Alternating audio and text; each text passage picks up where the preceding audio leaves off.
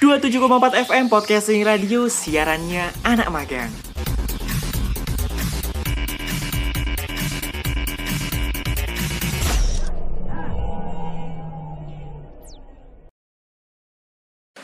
Dua tujuh empat FM Podcasting Radio segmen siarannya anak magang. Balik lagi sama Usaid Abdullah Zikri di sini. Seperti biasa sekarang episode ke 17 17 atau 16 ya?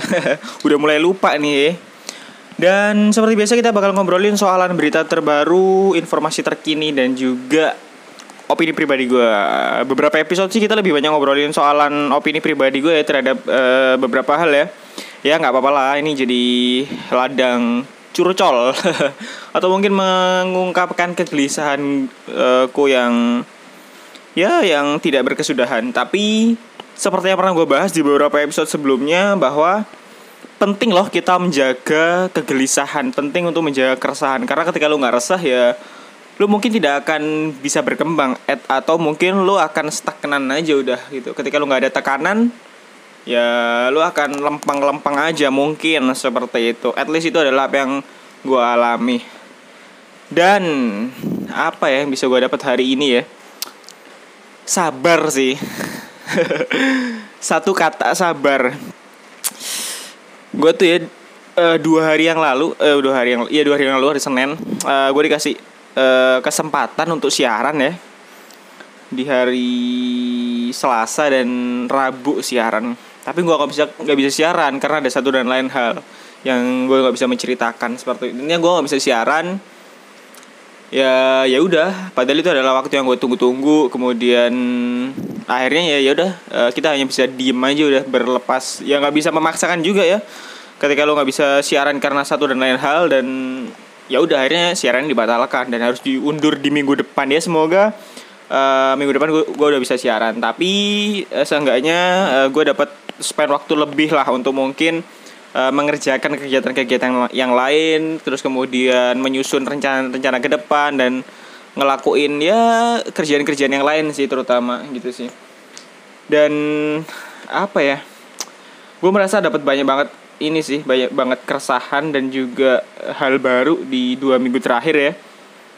Apalagi ketika gue berinteraksi dengan banyak orang-orang baru eh, senang banget sebenarnya uh, udah mulai apa ya udah mulai ngerasa bahwa uh, ya ini gue ngelakuin untuk diri gue sendiri untuk kemudian improve diri untuk kemudian memper banyak koneksi dan lain sebagainya. Gue uh, cukup menikmati sejauh ini. Seperti itu. Kayak misalnya barusan gue ke Banyumanik ke kantornya bos gue dalam tanda kutip. Medok banget dia ngomong gue ya. Tapi daripada ngomong saya kayaknya terlalu kaku ya. Mungkin kalau misalnya kita bikin konten uh, puisi cerita pendek mungkin boleh lah pakai saya atau aku. Tapi kayaknya uh, kalau misalnya ngomong secara ngobrol-ngobrol gini kayaknya gue uh, lumayan ya casual lah. Sajane aku nggak pengen Jawa rek. Ngomong awakku misu-misu nggak bahasa Jawa. Aku sajane enak sumpah. Tapi koyo eh koyo koyo ya rak paham banget uh, bahasa bahasa Jawa bahasa Jawa dan yo kayaknya terlalu segmented kalau misalnya uh, aku ngomong coro Jawa ngono koyo bingung sisan lah yo tidak tersampaikan pesannya. Tapi mungkin kita akan uh, ngobrol full kayak bahasa Jawa kali ya. Sore tadi gue sempat uh, ketemu ya ke kantornya di Banyumanik dan kita ngobrol banyak hal. Gue cerita uh, perkembangan bis bisnis gue at Yo SMK.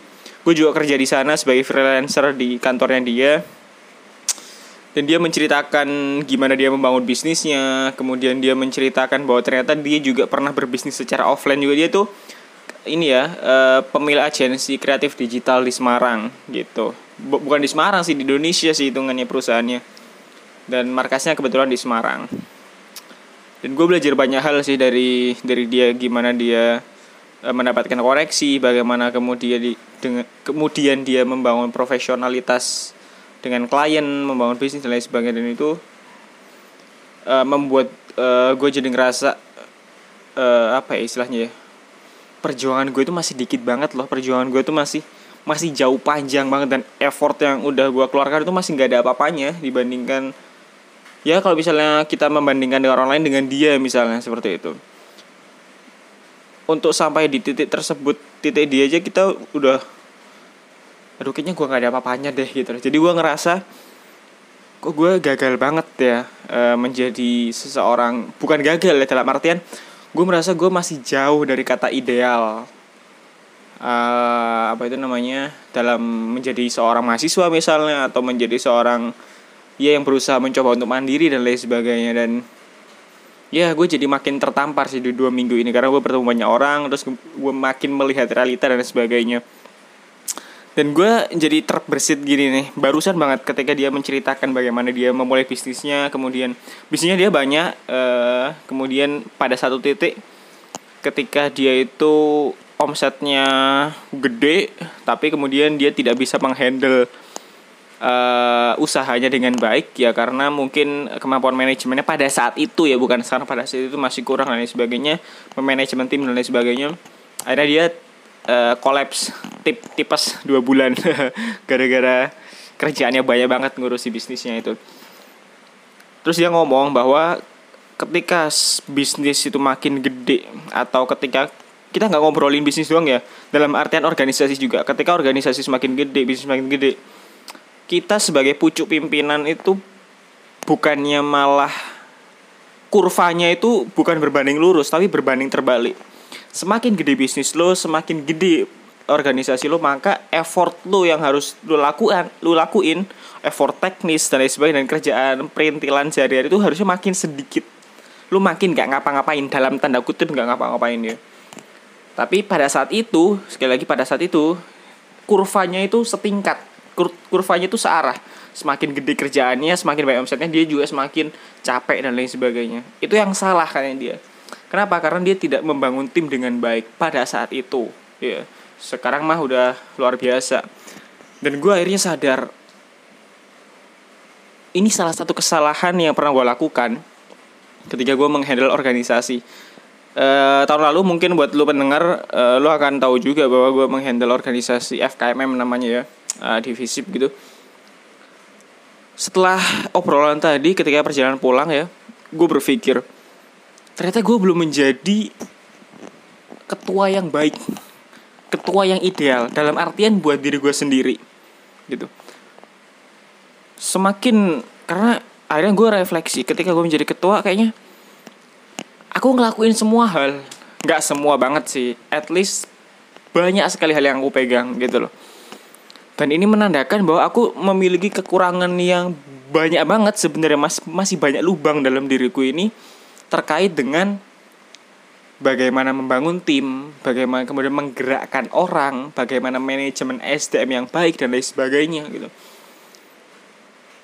Terlepas dari apa pun kondisi organisasinya kita nggak ngomongin hal itu, tapi gimana cara aku, cara aku, cara gue memanage organisasi itu akhirnya mempertanyakan parah sih gue ternyata lubang gue dalam kepemimpinan dan leadership membangun tim dan lain sebagainya itu masih jelek banget ternyata. Setelah uh, setelah uh, aku ngobrol-ngobrol uh, sore tadi itu seperti itu. Ternyata yang selama ini aku lakukan misalnya setahun lalu itu apa ya? Di atas kertas mungkin dia sebagai ketua. Tapi dalam menjalankan kegiatan manajerialnya, manajerial teknis di lapangan sehari-hari dan lain sebagainya, kayaknya gue masih belum berada pada titik ini adalah kepemimpinan yang ideal. Dalam artian, menurut gue pribadi, gue nggak tahu menurut orang lain seperti apa.